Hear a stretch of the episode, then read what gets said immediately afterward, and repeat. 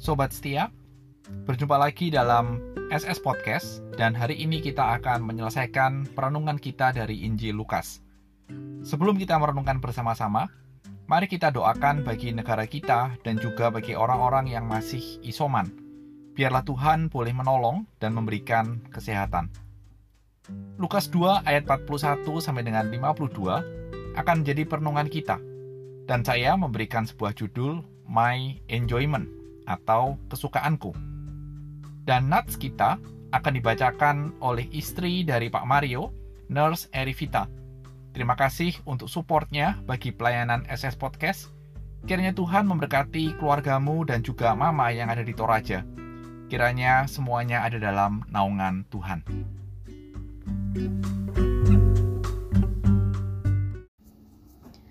Lukas 2 ayat 41 sampai dengan 52. Yesus pada umur 12 tahun dalam bait Allah. Tiap-tiap tahun orang tua Yesus pergi ke Yerusalem pada hari raya Paskah. Ketika Yesus telah berumur 12 tahun, pergilah mereka ke Yerusalem seperti yang lazim pada hari raya itu. Sehabis hari-hari perayaan itu, ketika mereka berjalan pulang, tinggallah Yesus di Yerusalem tanpa diketahui orang tuanya.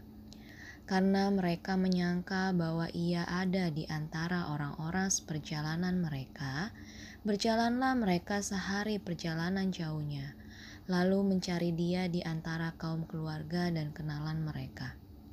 Karena mereka tidak menemukan dia, Kembalilah mereka ke Yerusalem sambil terus mencari dia. Sesudah tiga hari mereka menemukan dia dalam bait Allah. Ia sedang duduk di tengah-tengah alim ulama sambil mendengarkan mereka dan mengajukan pertanyaan-pertanyaan kepada mereka. Dan semua orang yang mendengar dia sangat heran akan kecerdasannya dan segala jawab yang diberikannya. Dan ketika orang tuanya melihat dia, tercenganglah mereka.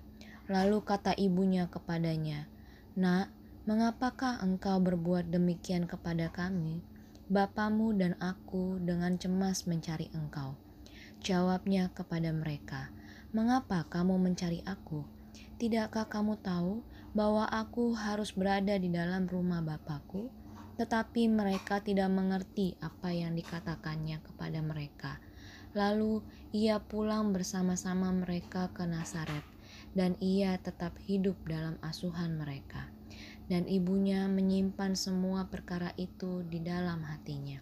Dan Yesus makin bertambah besar dan bertambah hikmatnya dan besarnya, dan makin dikasihi oleh Allah dan manusia.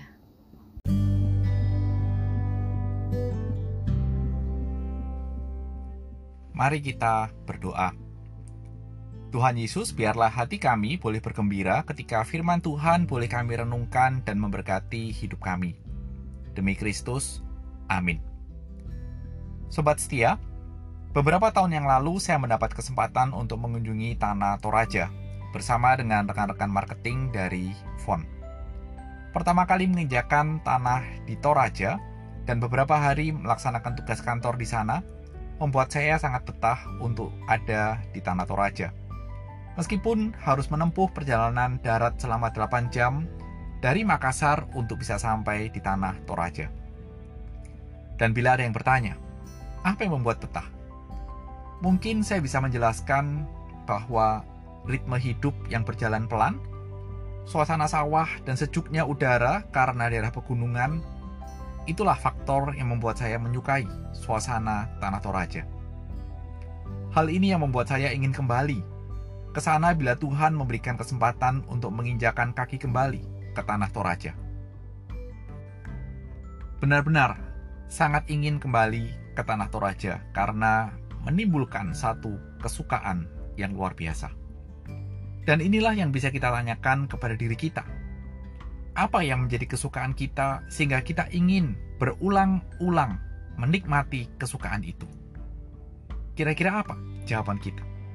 Pengalaman saya adalah salah satu contoh untuk menghantar kita merenungkan bagian ini. Dan dalam nats kita hari ini, mungkin bisa menolong bahwa apa yang dilakukan oleh Tuhan Yesus secara prinsip bisa menjadi teladan bagi kehidupan kita. Mari kita perhatikan. Cerita ini dilatar belakangi oleh perayaan Paskah. Dan perayaan Paskah adalah perayaan yang bisa dikatakan besar bagi orang Yahudi. Karena bagi orang Yahudi dalam perayaan Paskah mereka mengingat kembali bagaimana dalam sepuluh tulah yang Allah lakukan bagi bangsa Israel, Tuhan membebaskan mereka dari Mesir. Pada saat itu, Tuhan memerintahkan bangsa Israel untuk mengoleskan darah anak domba di tiang pintu. Sehingga ketika malaikat datang dan melihat palang pintu itu telah diolesi oleh darah anak domba, maka anak sulung dari orang-orang Israel itu tidak akan meninggal, dan hanya anak sulung dari orang-orang Mesir. Dalam konsep seperti itulah mereka merayakan Paskah, bahwa Allah yang telah melepaskan nenek moyang mereka dari perbudakan di Mesir dan saat itulah mereka percaya dan menantikan pembebasan yang sejati dari Mesias. Dan sobat setia, saya mengajak kita untuk melihat lebih lebar bahwa di bagian lain dari kitab suci, kita tahu bahwa dalam perjanjian baru, yang dimaksud oleh anak domba itu bukan anak domba seperti dalam PL. Anak domba Allah itu merujuk kepada Kristus yang saat itu diajak ke Yerusalem.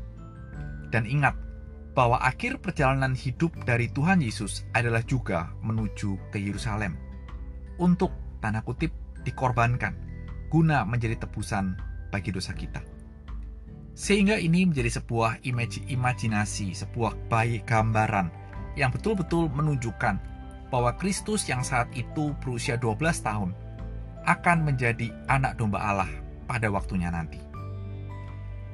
Dan mari kita lanjutkan cerita ini. Selesai perayaan Paskah, Yusuf dan Maria meninggalkan Yerusalem. Dan dicatat setelah sehari perjalanan, mereka baru menyadari bahwa anaknya Yesus tidak ada bersama-sama dengan mereka.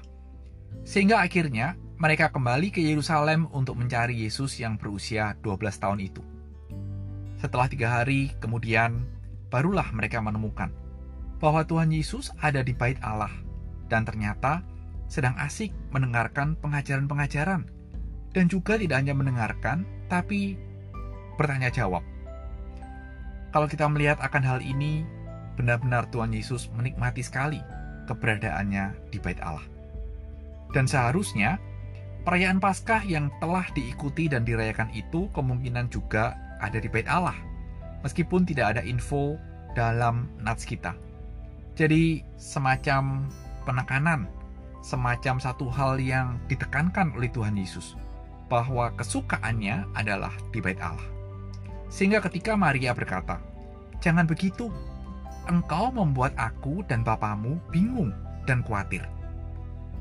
Satu kalimat yang menunjukkan bahwa sebagai orang tua, mereka khawatir kalau anaknya hilang. Itulah kalimat dari Maria. Tetapi apa yang menjadi respon dari Tuhan Yesus? Tuhan Yesus menjawab dengan menekankan bahwa dia memang harus berada di rumah Bapa. Dan bagi saya, respon dari Tuhan Yesus, saya bisa pahami bagian ini adalah berada dalam bait Allah bagi Tuhan Yesus adalah kesukaannya tersendiri. Benar-benar dia dinikmati. Kalau bisa 24 per 7, dia akan terus menerus ada dalam rumah Allah. Dan bila kita melihat dalam bahasa Mazmur, maka Mazmur 84 ayat yang ke-11 mengatakan bahwa lebih baik satu hari di pelataranmu daripada seribu hari di tempat lain. Lebih baik berdiri di ambang pintu rumah Allahku daripada diam di kemah-kemah orang fasik. Sobat setia, bagian ini menjadi satu hal yang seakan-akan menjadi eko dari apa yang dikatakan oleh Tuhan Yesus. Tapi bagian ini jangan diartikan, kalau begitu aku tiap hari akan pergi ke gereja atau ke bait Allah. Bukan, tetapi hal ini menunjukkan bahwa kesukaan membaca firman Tuhan, merenungkan, itulah yang bisa diterapkan dalam ayat ini. Dan inilah yang menjadi fondasi bagi pertumbuhan Tuhan Yesus di masa yang akan datang. Hasilnya apa? Hasilnya tercatat dalam ayat 52 bahwa dia semakin berhikmat dan dikasih oleh Allah dan manusia. Sobat setia, kalau hari ini kita boleh belajar dan merenungkan bagian firman Tuhan ini, pertanyaan untuk kita jawab dan renungkan adalah, apa yang selama ini menjadi kesukaan kita? Ingat bahwa yang kita sukai akan membentuk kehidupan kita di masa yang akan datang. Kalau engkau mau dikasih Allah dan manusia, sukalah membaca, merenungkan, dan menghidupi firman Tuhan yang engkau baca. Selamat menikmati akhir pekan dan kiranya Tuhan semakin mengasihimu. Amin.